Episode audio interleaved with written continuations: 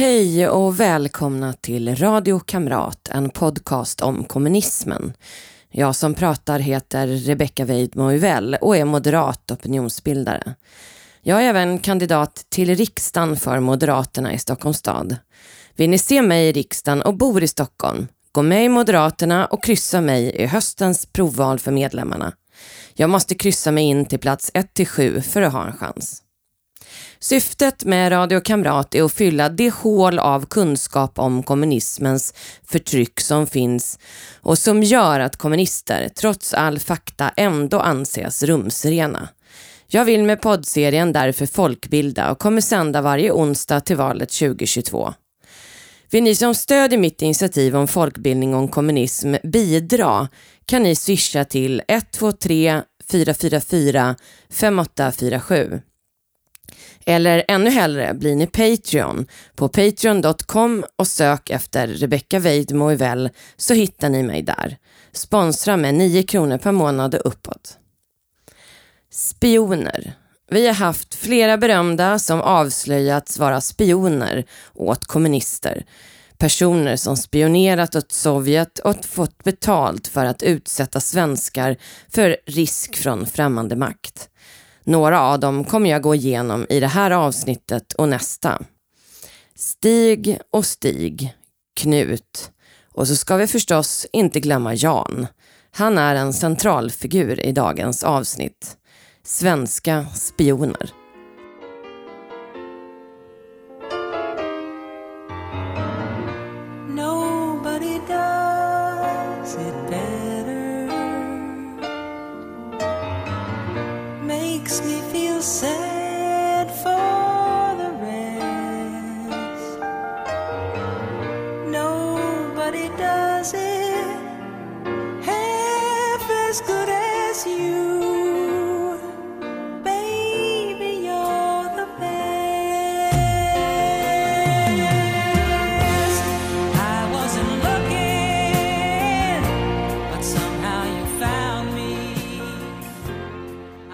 Det finns inga som är så bra på att skriva om historien som Socialdemokraterna. Det finns en uppsjö exempel bara i den här poddserien. Lössen i den röda fanans väck har ni kanske hört och malliga socialdemokrater som säger att de minsann alltid hållit rent till vänster mot kommunister. Men om ni tror att detta handlade om att man höll rent för att kommunister representerar en fruktansvärd ideologi tror ni fel. Det handlade framför allt om makt.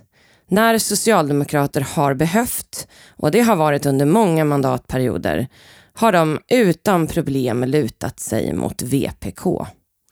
Socialdemokraterna som haft makten så länge i Sverige såg givetvis bekymrat på utvecklingen i öst efter andra världskriget där Sovjet tog en massa länder i krigsslutet och kommunisterna aspirerade på världsherravälde. Det var en uttalad ambition att hela världen skulle bli Sovjet. Vilket om det inträffade i Sverige skulle leda till att Socialdemokratiska arbetarpartiet skulle förlora all sin makt. Det skulle såklart också bli tråkigt för befolkningen med repression och arbetsläger, men tråkigast skulle det bli för Socialdemokraterna. Ja, goddag. Ursäkta jag stör så här sent. Vill ni kanske skänka en liten slant till Socialdemokraternas röstningsfond? Aldrig i livet. Har jag gått och lagt mig så har jag gått och lagt mig.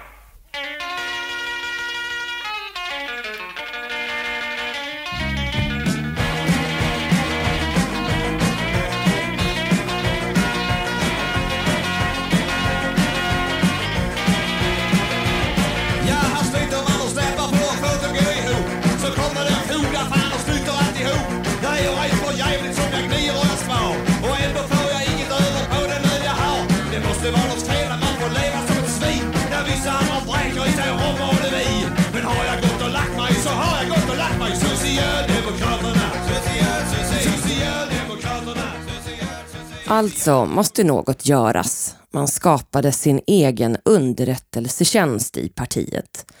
Redan 1945 hade partiet anställt ombudsmännen Forslund och Olofsson i syfte att systematiskt samla in uppgifter om alla fackligt aktiva ombudsmäns politiska färg, namn, adress och arbetsplats i ett stort register. Vi måste förhindra att kommunisterna får majoritet, skrev dåvarande partisekreterare Sven Andersson till ombudsmannen Harry Wester i Norrbotten på hösten 1945. SAPO skapades, vilket låter som ett skämt men betyder Socialdemokratiska arbetsplatsombudsorganisationen. På några få år skapade man en helt ny organisation i syfte att bekämpa kommunisterna i facket. Först hade man arbetsplatsombuden på golvet och kontaktkamraterna. Nivån ovanför var de socialdemokratiska fackklubbarna och sedan arbetarkommunernas fackliga utskott eller fackliga ledare. Ovanför dem ombudsmännen i de tre viktigaste partidistrikten. Längst upp ansvarade de två fackliga sekreterarna Paul Björk och Arne Pettersson som rapporterade till partisekreteraren. Han är inte dum den där Malm du. Nej du, järnmalm. Mm.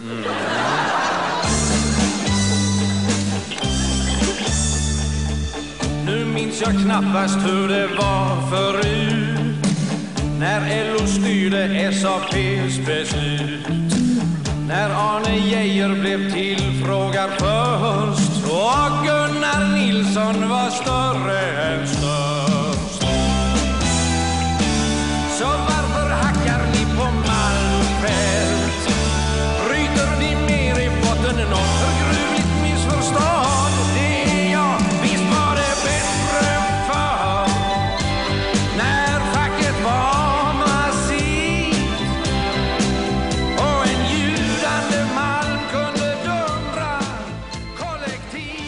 Målet var att identifiera vilka personer i facken som var kommunister och bygga upp ett register på dem.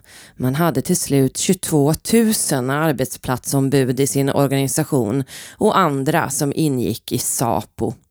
En av dem som tyckte att detta är något att skryta över var Karl Petter Thorvaldsson som i en intervju i Aktuellt 2015 sa det var vi som tog fighten med kommunisterna på 50 och 60-talen när de skulle ta sig in i fackklubbar.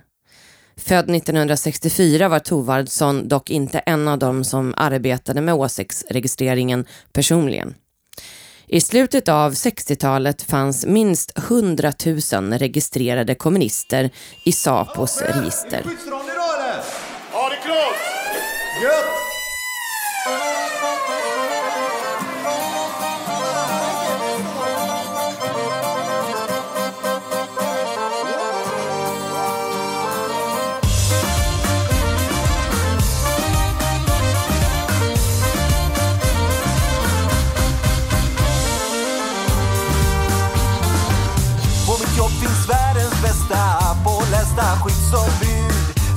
Till att chefen fixar skadeförbud. Inga tillbud, arbetsskador, det vill vi inte ha. Följa lagen, för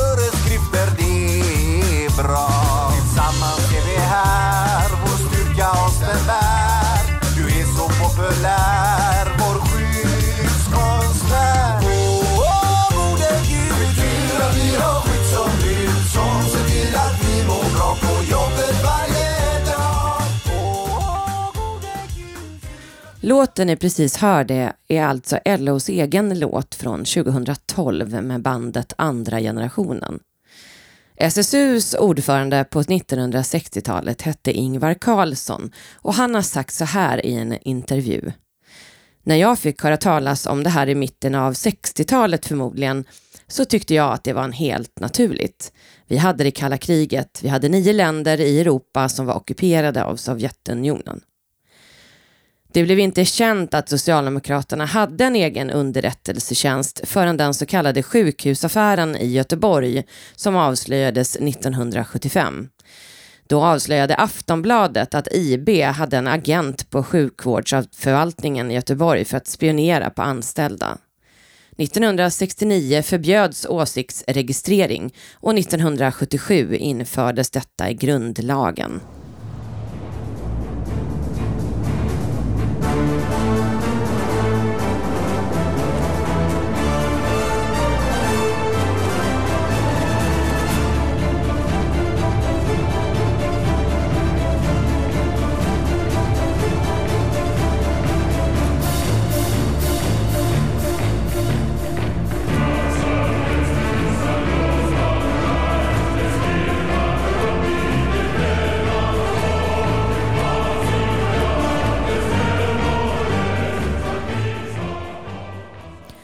Jan Guillou, landets kanske mest namnkunniga journalist, mångmiljonär sedan länge som skrev landets första spionromaner som blev otroligt framgångsrika om agenten Carl Hamilton. Under 1960 och 70-talet var han mycket engagerad i maoistiska Clarté och blev en central figur i den så kallade 68-vänstern där många sedermera hamnade just i media. Han blev känd för allmänheten under IB-affären. Det kommer jag berätta mer om lite senare. Riksarkivet hävde 2009 hemligstämpeln på ett stort antal dokument från Säpo om den lokala KGB-chefen i Stockholm, Jevgenij Ivanovich Gergel, som bodde här under 60 och 70-talet. Säpos akt var 700 sidor lång. Då upptäckte Expressen, som begärt ut dokumenten, att 20 sidor handlade om Jan Guillou.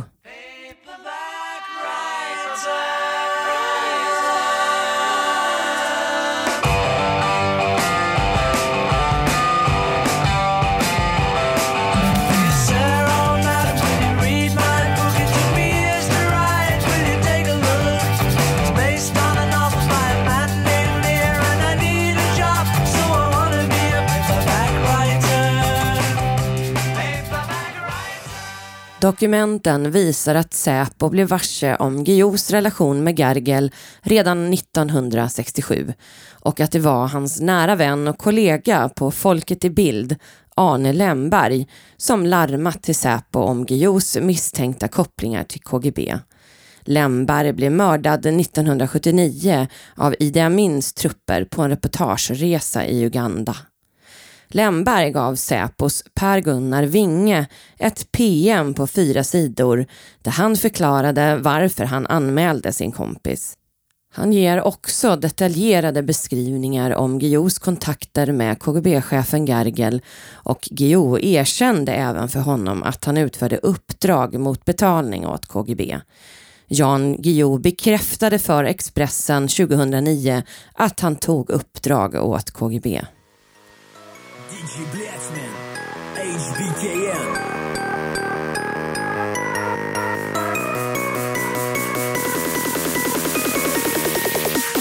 До тебя я не встречал истинно красивых. Ты строга и холодна, как твоя мать Россия. Твои губы красные и горячие, словно кровь. От того еще порочнее наша запрещенная любовь. Сладко мне шептали, усыпляемый контроль Ты хотела выведать секретный мой пароль Тайны все свои я доверял только тебе Жаль, что я не знал, что ты работаешь на Han lät sig värvas. Han sa till Expressen att när han arbetade åt Folket i bild så träffade han Gergel 1967 på en mottagning på sovjetiska ambassaden. Han kom fram och bjöd honom på rysk kaviar och de började prata politik. Jan Guillou var vid tillfället 22 år gammal. Han hävdar att han nappade på erbjudandet att arbeta åt KGB för att kunna avslöja hur KGB opererade i Sverige. Han säger att han på uppdrag bland annat skrev en artikel om Socialdemokraternas förhållande till Vietnam. I senare intervjuer har han sagt att det handlade om Centerpartiets ungdomsförbunds förhållande. Gergel var Guillous handledare under tiden han var KGB-agent. Lemberg påstod också till Säpo att Guillou hade uppdrag att stjäla en intern telefonkatalog från den amerikanska ambassaden men att han inte ville visa sig där och bad Lemberg att göra det åt honom.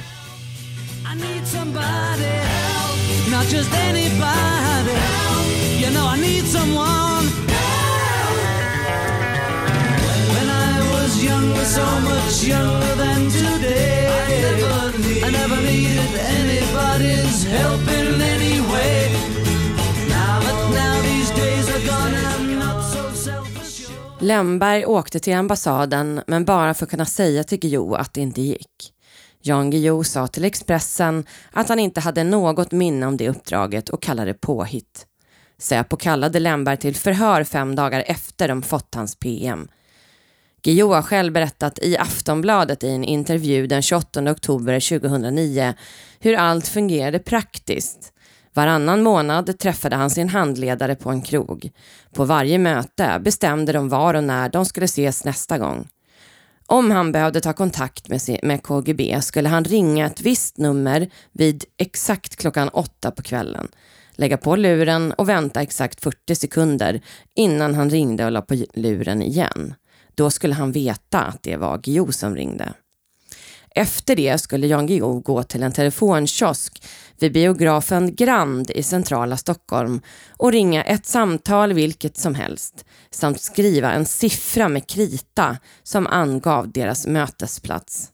Hans nya handledare hette Boris Tjivarsevskij och han beskrev Guillou som en yngre, mer intellektuell och kul person. De umgicks och hade roligt ihop. Det var inte vem som helst som kunde få Sovjets syn på saker sådär rakt över matbordet, har han sagt.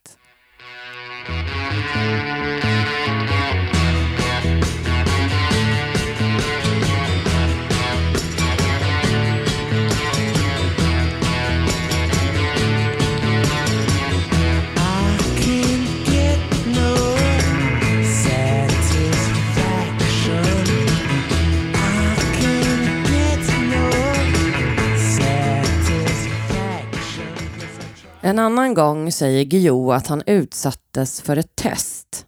Han frågade om jag imorgon vid den och den tidpunkten ville gå till den och den tunnelbanestationen och ställa ner en väska vid sidan av bänken. Det kommer någon och frågar om det här är vägen till Ringvägen eller något sånt. Då säger du att det är åt andra hållet. Då tar han portföljen och går. Enligt Guillou stod några och fotograferade honom i tunnelbanan. Det kom en gubbe och tog portföljen och sen påstår han att inget mer hände. Den berömda avhopparen från KGB, Oleg Gordievski, intervjuades i Expressen den 28 oktober 2009. Att kalla sin aktivitet med KGB för meningslös och icke-händelser är exakt så utpekade agenter brukar försvara sig.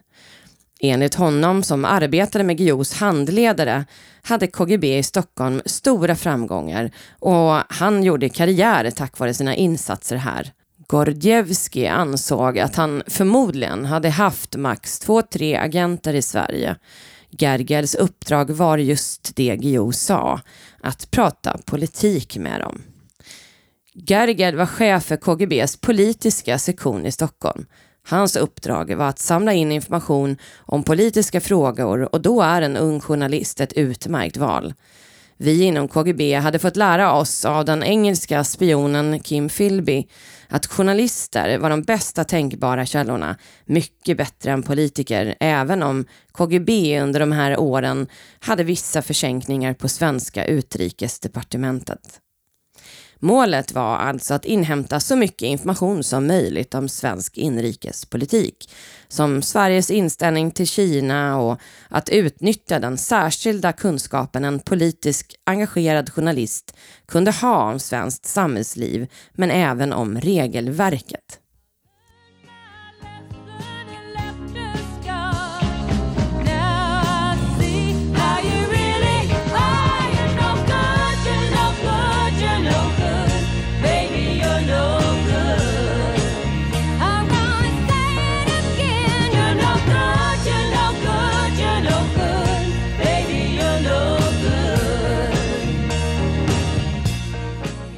Som frilansjournalist reste Jan Guillou till Prag i Tjeckoslovakien våren 1968. Ett år efter han hade lärt känna Gergel. Och han rörde sig bland dem som ville skapa en socialism med mänskligt ansikte, införa marknadsekonomi och yttrandefrihet.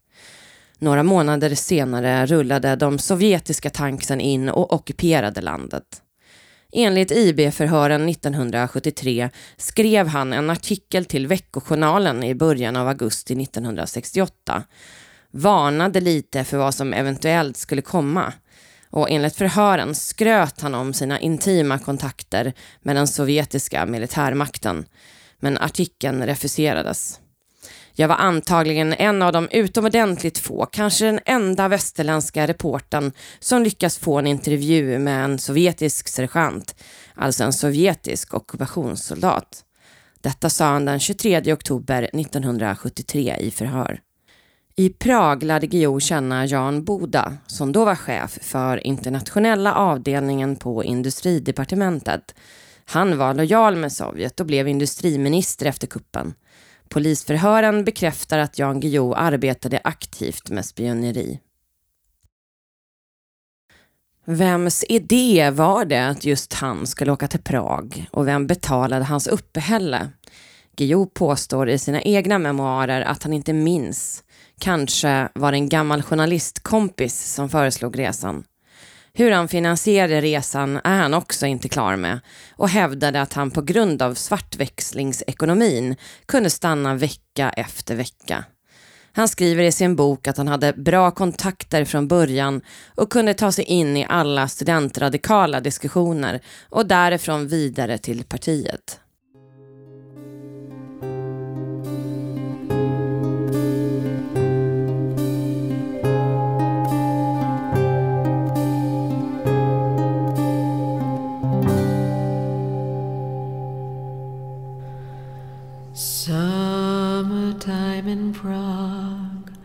When blood was warm, when blood was young. After all those tears, after all those years, I long for summertime in Prague. We were so rich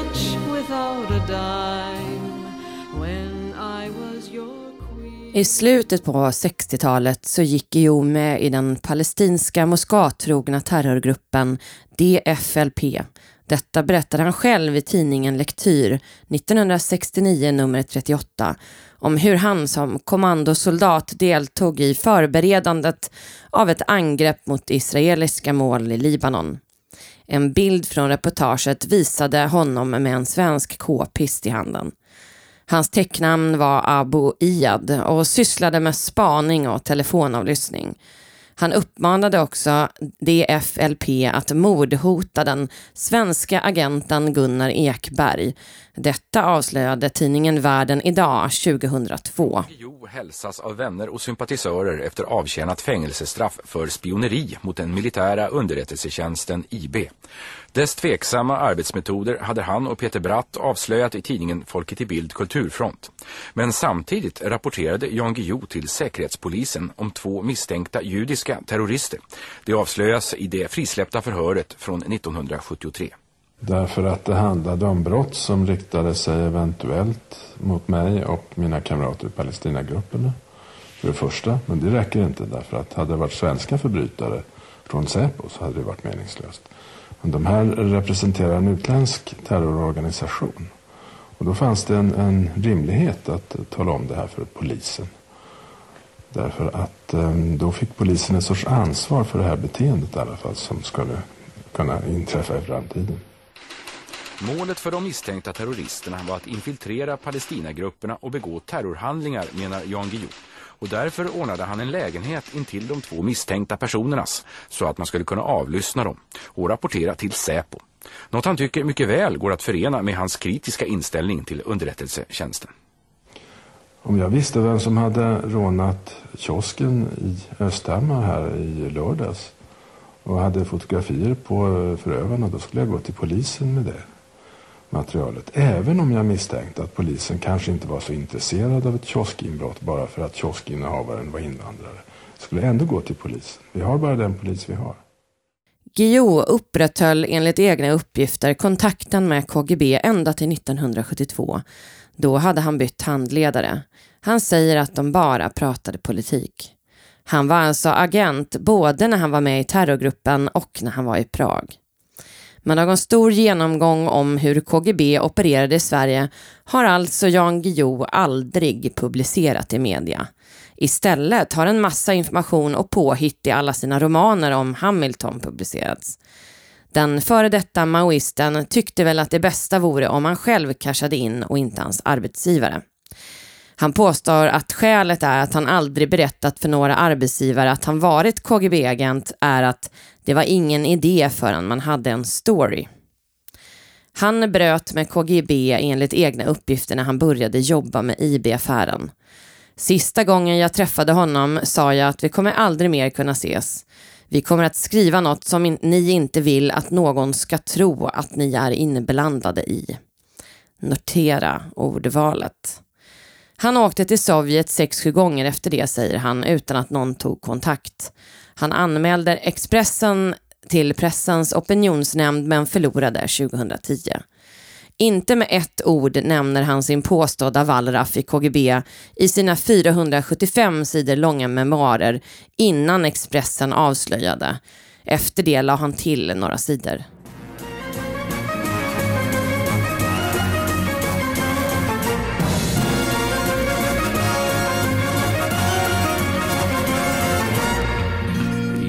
Österlen en cirkusvagn. I mörkret satt en ensam clown. Och utanför så många barn som troget väntar på sin clown. Ropar Hej clown, kom hit så vi får titta på dig. Innan vi släpper Jan Guillou måste vi köra en throwback till ett av de kanske lökigaste programmen som sänds i tv. Grabbarna på Fagerhult, som sändes 1990. Detta är från det första avsnittet. Jag har fått brev från Buckingham Palace. Nu igen. Nu igen. Nekad, förstås.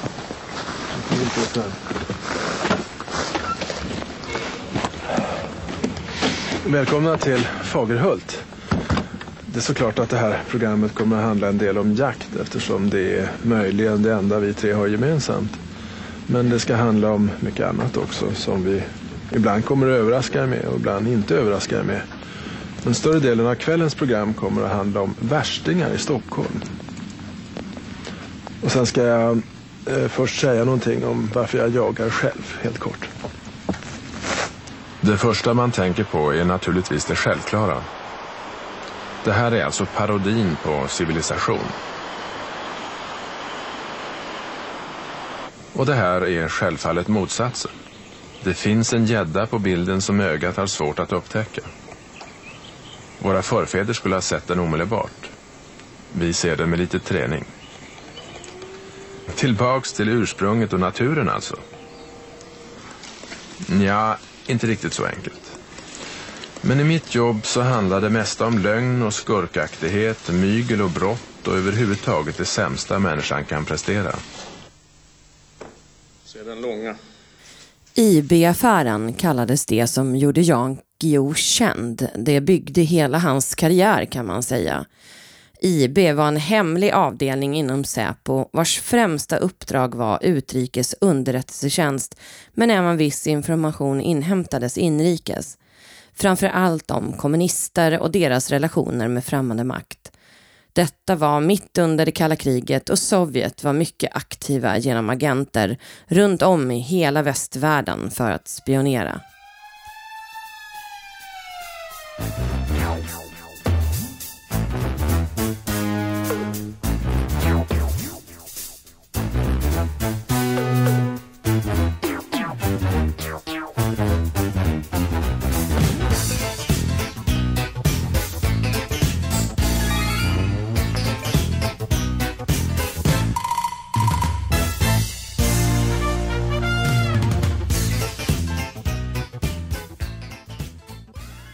Bakgrunden till IB var C-byrån som försvarsstaben inrättade hösten 1939 som var en hemlig underrättelseorganisation och som man sedermera fick kritik för då man haft omfattande tyska kontakter och informationsutbyten. Kom ihåg att det med fel sida historien är relativt. Sverige var mer tyskvänligt än vi vill låtsas om idag. Det fanns många övertygade nazister till och med, inte minst i Centerpartiets riksdagsgrupp. C-gruppens uppdrag var att inhämta uppgifter utomlands som var av rikets säkerhet. Den inhemska jakten på spioner sköttes av det civila Säpo. Men militären och Socialdemokraterna var missnöjda med hur detta sköttes. Socialdemokraterna tyckte att Säpo misstänkliggjorde även sossar. Det var därför de skaffade sig sin egen underrättelsetjänst på 40-talet.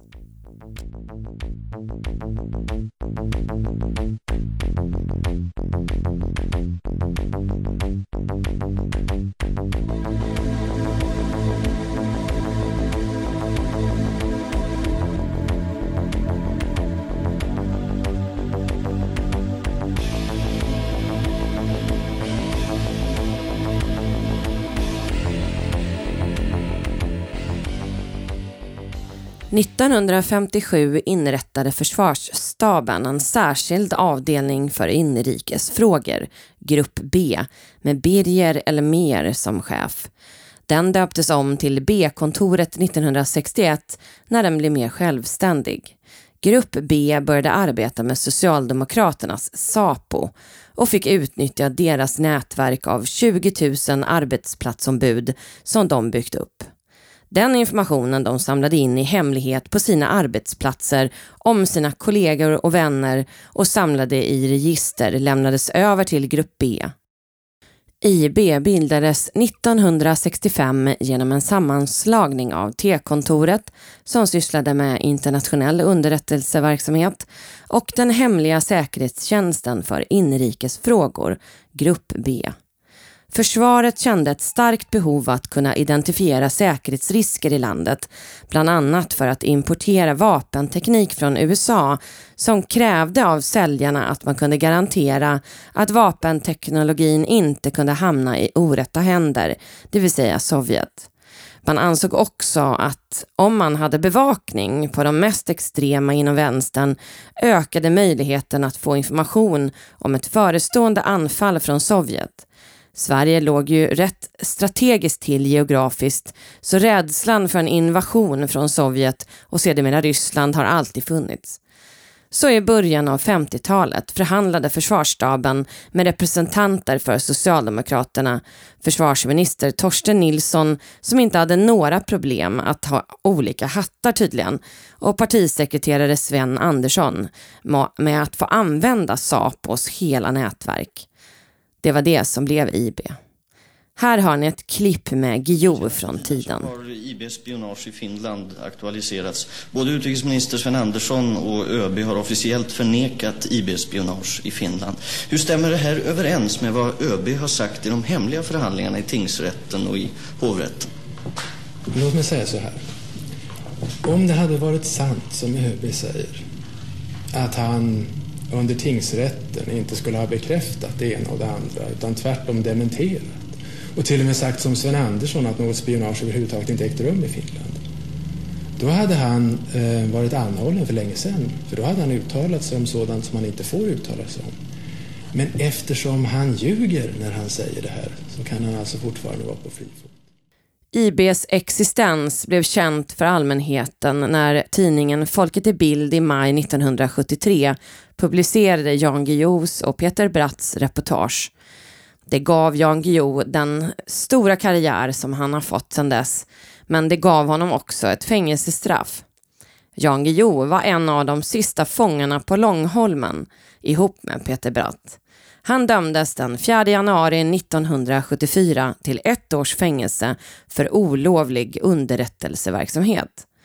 Åklagaren som utredde IB-affären kom fram till att brotten var preskriberade. Eh, folket i bild som publicerat granskningen av IB anmäldes däremot av justitieminister Lennart Geijer. Ni vet han som låg med tonåringar i bordellhärvan. Han, de anmäldes för tryckfrihetsbrott. Samma åklagare som inte utredde vidare IB inledde däremot förundersökning mot journalister och kom fram till att Guillou och Bratt gjort sig skyldiga till spioneri. Ironiskt nog visade sig detta stämma alldeles utmärkt eftersom Guillou varit betald KGB-agent precis då.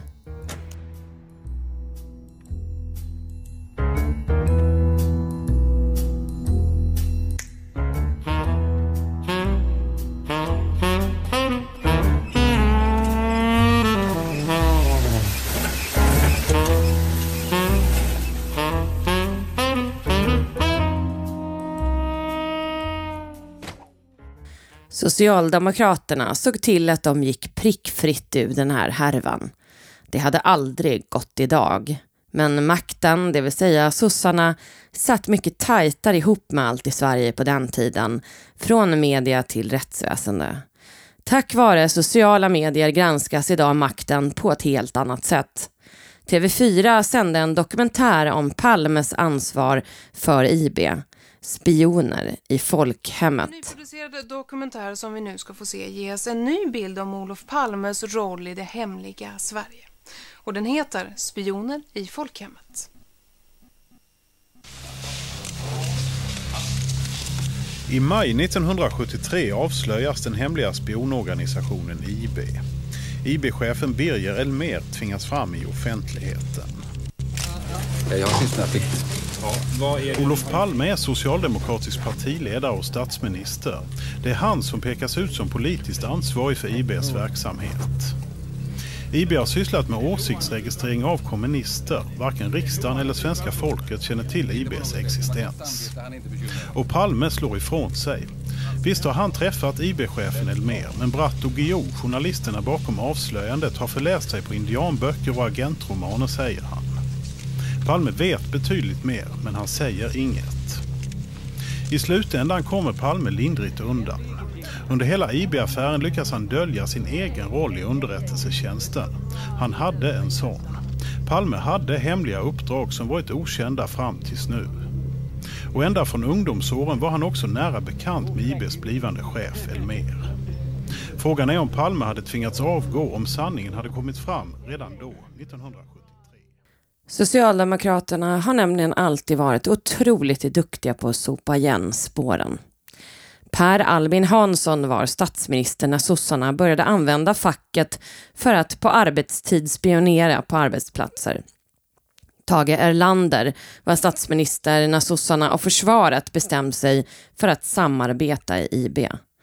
Olof Palme var sedan ungdomsåren och SSU kompis med Birger Elmer som var chef över IB.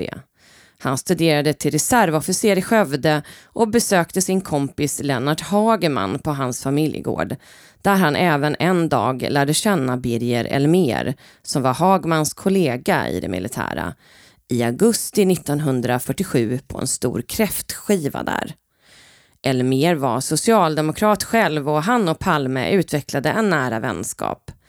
Hagman jobbade på försvarsstaben och fixade så att Palme fick jobba på underrättelsetjänsten 1951 och 52 för att göra en utredning om den västeuropeiska kommunismen. Elmer tjänstgjorde också vid staben vid tidpunkten. Det var under sin tid på försvarsstaben som Palme, då ännu inte politiskt aktiv, lärde känna Tage Erlander 1951 då han var statsminister. Det var genom Sveriges förenade studentkårer och sedan internationellt arbete med studenter som drog honom in i politiken på heltid. Han var med och bildade den internationella studentorganisationen med pengar som visade sig senare komma från CIA. Han knöt många kontakter under den här tiden.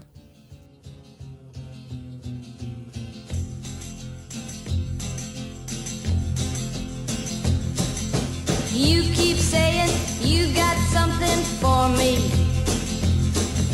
Something you call love, but confess. You've been a messin' where you shouldn't have been a messin'. And now someone else is getting all your best. These boots are made for walking, and that's just what they'll do. One of these days these boots are gonna walk all over you.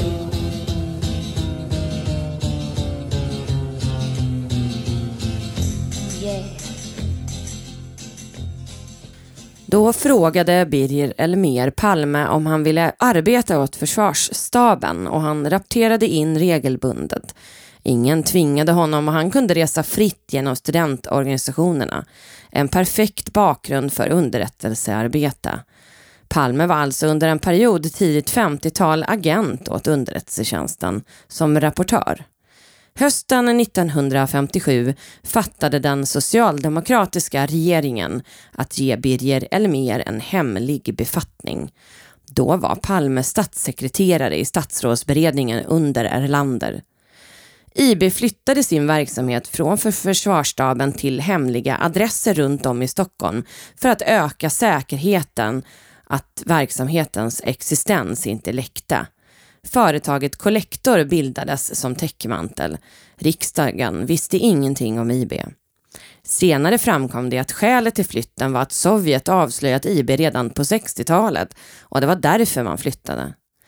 Flera socialdemokratiska ombudsmän började jobba heltid åt Birger Elmer under täckmantel i bolaget. Andra knöts mer löst till IB. En av dem var Stig Lundgren. Han satt i verkställande utskottet för Socialdemokraterna.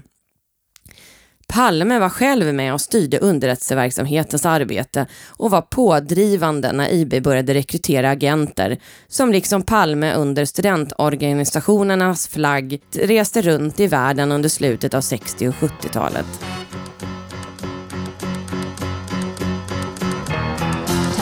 bed and I stumble to the kitchen. Pour myself a cup of ambition and yawn and stretch and try to come to life. Shower and the blood starts pumping. Out on the streets, the traffic starts jumping with folks like me on the job from nine to five. Working nine to five.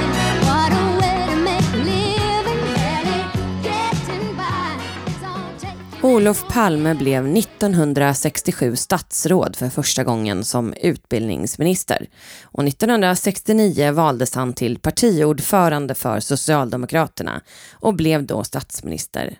IB lades temporärt ner på grund av strider mellan Säpo och Försvarsmakten om ansvaret. Men Palme beslutade 1971 att IB skulle återupptas.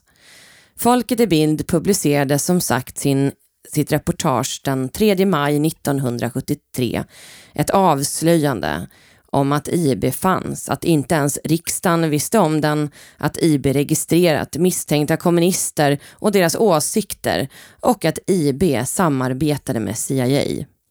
Bratt och Guillou hade fått uppgifterna av den före detta IB-anställda Håkan Isaksson. Han hävdade också att IB gjort inbrott i FNL-rörelsernas och KMFLs lokaler. The rest is history.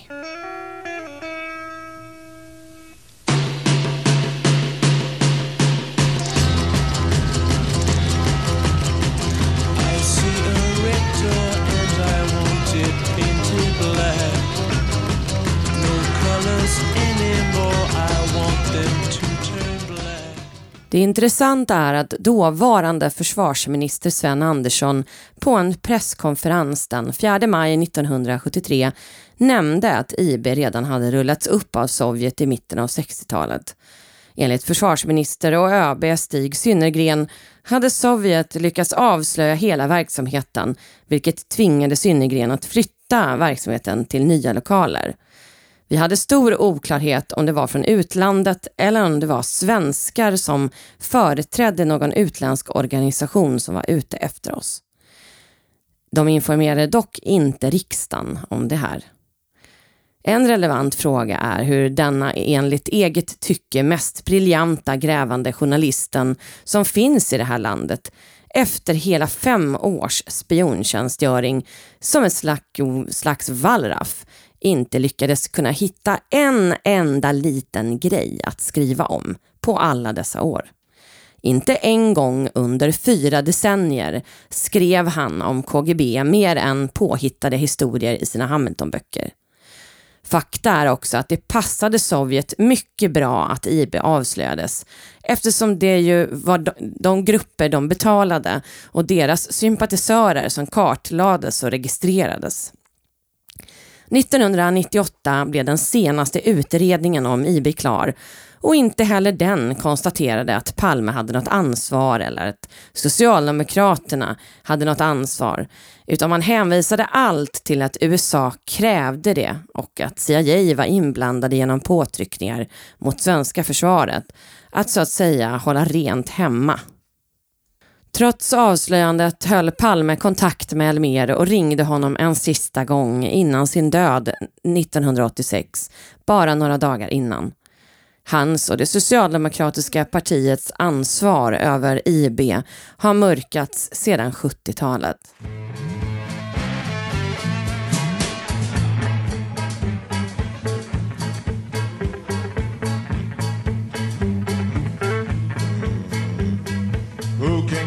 General in his bed? Overthrow dictators if they're red. Fucking amen. CIA man.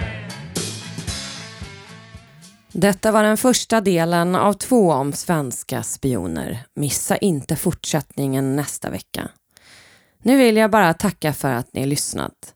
Jag har inga annonser och ingen finansiering för min poddserie Radio Kamrat. Så vill ni stödja mitt projekt ska ni bli Patreon på patreon.com. Sök efter Rebecca Weidmo och bidra med 9 kronor per månad och uppåt. Tack och på återseende.